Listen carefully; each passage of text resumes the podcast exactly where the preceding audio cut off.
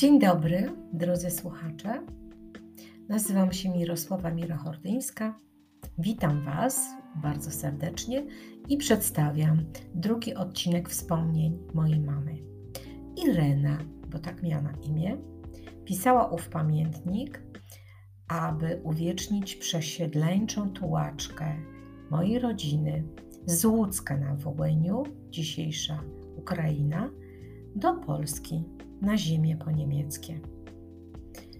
Chcę dodać, że podczas wojny mój dziadek Zygmunt ze swoimi kobietkami, a było ich trzy, mianowicie babcia Wanda i dwie córki Irena i Alina, y, wspólnie razem przechowywali podczas wojny, II wojny światowej, Żyda o imieniu Dawid, który się oczywiście uratował z rąk niemieckich oprawców. Do tych bohaterskich doświadczeń i pamiętnika mojej mamy z początków wojny zamieszczam linki pod tym nagraniem.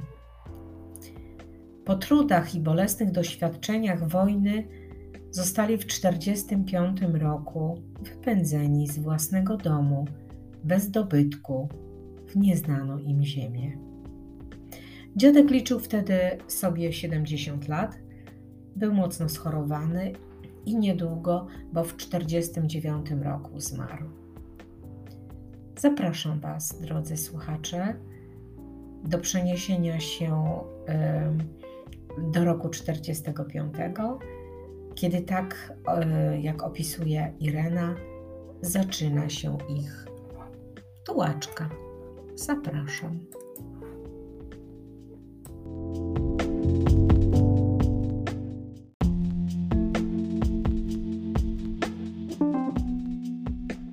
Zaczęliśmy już naprawdę myśleć o wyjeździe. Także zaczęliśmy się wszyscy pakować. Nie wyobrażaliśmy sobie, jak to będzie. Z początku transporty odchodziły dwa razy na miesiąc, potem raz na tydzień.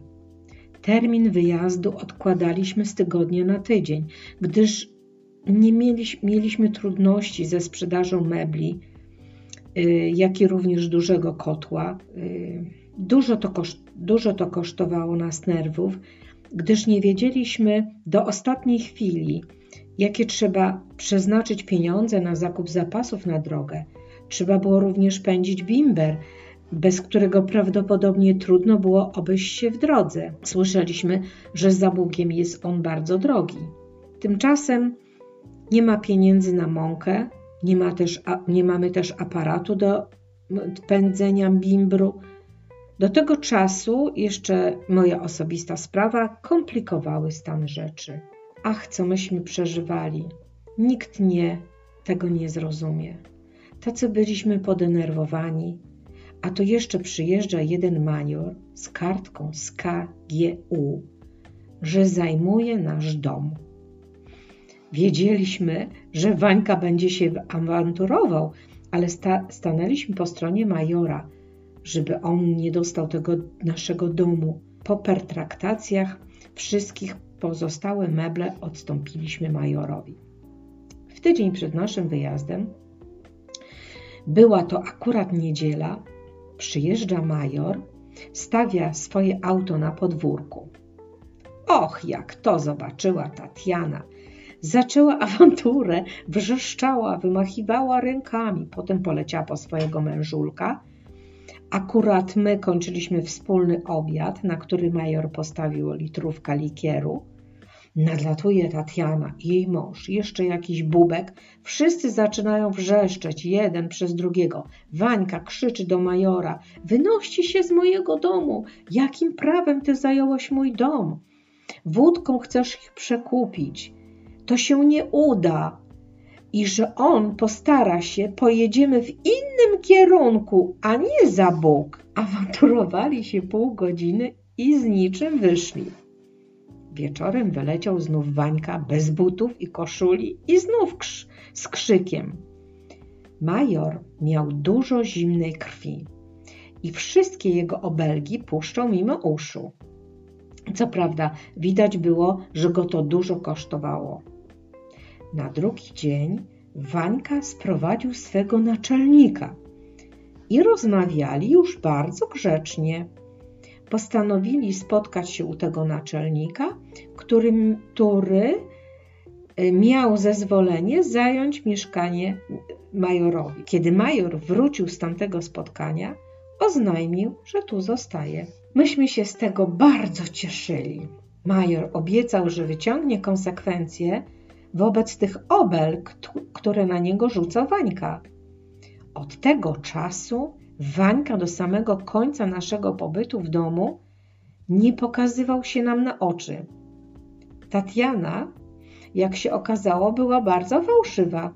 Starała się nam pomagać w pakowaniu, y, jak i potem okazało się, zginęło kilka rzeczy. Prawdopodobnie ona skradła mój pierścionek pamiątkowy. Natomiast ten major okazał się bardzo sympatyczny i namawiał nas, żebyśmy w ogóle nie jechali nigdzie i zostali, gdyż będzie mu bardzo smutno. To było miłe. Te ostatnie dni chodziliśmy rano nad styr, rzekę naszą umiłowaną.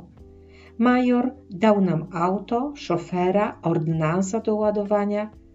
Wywieźliśmy rzeczy na rampę, gdzie byli już państwo kosacy i rutkowscy. Przedtem już wiedziałam, jak ludzie układają rzeczy, więc i ja w pocie czoła ładowałam tak, żeby był tap, tak, żeby tapczan był w środku, a po bokach i, i z tych rzeczy, y, z tyłu rzeczy y, walizki. Przykryliś, przykryliśmy to wszystko deskami, tak, że mieliśmy rodzaj dachu nad tapczanem. Tej nocy ja miałam dyżur przy rzeczach. Major siedział przy mnie, do drugiej w nocy rozmawialiśmy. A w następną noc dyżurował tatko. W niedzielę rano wywieźliśmy resztę rzeczy na stację, bo ludzie mówili, że będą wagony. Tymczasem do, do wieczora nie było wagonów. Po południu była u mnie Anielka. Razem z nią i majorem poszliśmy nad umiłowany nasz ster i kąpaliśmy się w rzece po raz ostatni. E, potem byłam na rampie, gdzie odwiedziło nas bardzo dużo znajomych. Wieczorem byłam w domu i na, kolację, i na kolację. Potem przyszedł major, poszedł ze mną na rampę, gdzie, gdzie zostaliśmy, zastaliśmy, ale y, bo ojciec nasz poszedł nocować do babci. Tak razem przegadaliśmy z majorem do północy. Raptem zerwała się okropna burza. Wszyscy wpakowaliśmy się na kanapę, nakryliśmy się przed deszczem płaszczem majora. Przyszły jeszcze do nas dwie koleżanki i tak w piątka siedzieliśmy, a burza z deszczem i piorunami hulała. Ale nie zmokliśmy, tylko silało na głowę. Zabezpieczyliśmy się jak mogli. Ala miała poduszkę na głowie, było wesoło, żartowaliśmy. Major raniutko o piątej miał jechać do Lwowa. Dlatego też nie chciało mu się iść do domu. Przesiedział z nami do rana.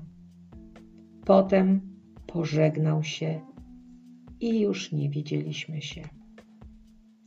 W poniedziałek cały dzień znów czekaliśmy, że lada godzina podstawią wagony – i nie doczekaliśmy się. Och, jak męczące jest tak siedzieć i czekać. Wieczorem Ala z ojcem spali u babci, a ja oczywiście na rampie. Tak byłam już zmęczona, że całą noc przespałam jak zabita. Dobrze, że sąsiedzi byli naokoło i pilnowali. Cały wtorek znów oczekiwanie na wagony. Wreszcie pod wieczór przyjechały wszystkie zakryte duże pulmany. Ja na rowerze ostatni raz skoczyłam do domu. Pożegnałam się ze wszystkimi i wszystkim.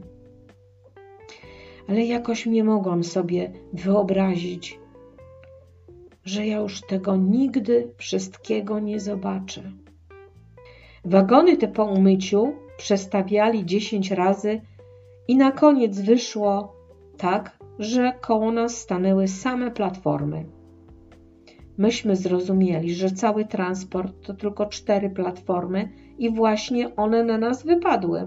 Zaraz pobiegliśmy do kapitana ze skargą, że nie będziemy ładować przecież tak, tak zrobić, żeby ludzie jechali w, zak w zakrytych wagonach, a na platformach tylko ciężkie rzeczy, w których deszcz, których, którym deszcz nie zaszkodzi. Ale ten idiota nie chciał o niczym nic słyszeć i powiada: Jak chcecie, to ładujcie, a jak nie chcecie, to czekajcie do następnego transportu. Ale nie wiadomo, kiedy on będzie i czy wtedy nie podstawią wszystkie odkryte wagony. Ja zaczęłam płakać. Nie wyobrażałam sobie tej jazdy. Tymczasem inni zaczęli ładować się, bo nie było innego wyjścia. Postanowiliśmy też to uczynić. Na jedną małą platformę ładowaliśmy się my, Barbusze, Kosaccy i pani Bronia. Nikt z nas nie miał pojęcia, jak się do tego zabrać. Ala z ojcem zaczęli ustawiać sprzęty, ja spłakana i zdenerwowana, z wynajętym człowiekiem poddawaliśmy, podawaliśmy rzeczy. Dobrze, że nadszedł stawczyk i pomógł nam ustawiać. Ledwo to wszystko, ledwo to wszystko pomieściliśmy, ale wcale nie było dobrze. Strasznie mało miejsca, nie można było bezpiecznie się, nie można byłoby bezpiecznie się pomieścić. Ale, ale wszystko niedobrze, strasznie mało miejsca. Nie można było się zabezpieczyć przed deszczem. Gdy stawczykowie odeszli, zaczęliśmy trochę przestawiać. Potem, ale było mało możliwości, bo strasznie było ciasno. Wszyscy przy, pomęczeni, bezsilni, zdenerwowani do ostateczności. Myślałam, że nie wytrzymam to. Za jakie grzechy trzeba się tak męczyć? I za co wyrzucili nas z domu? Po długich męczarniach udało nam się tapczan postawić należąco, ale wtedy było tak wąsko, że nie mogliśmy się w żaden sposób przemieszczać. Upadł nam koszyk z żywnością, wszystko wysypało się, wódka zbiła się i, i filiżanki też. Wiedziałam, że to był dopiero początek tej koszmarnej podróży. Przestawiliśmy tapczan, tak że mogliśmy wtedy wszyscy na nim usiąść, a za oparcie mieliśmy materac Ali. Tak drzemaliśmy do rana. A rano ruszył pociąg z miejsca. Opuściliśmy Łuck 25 lipca 45 roku.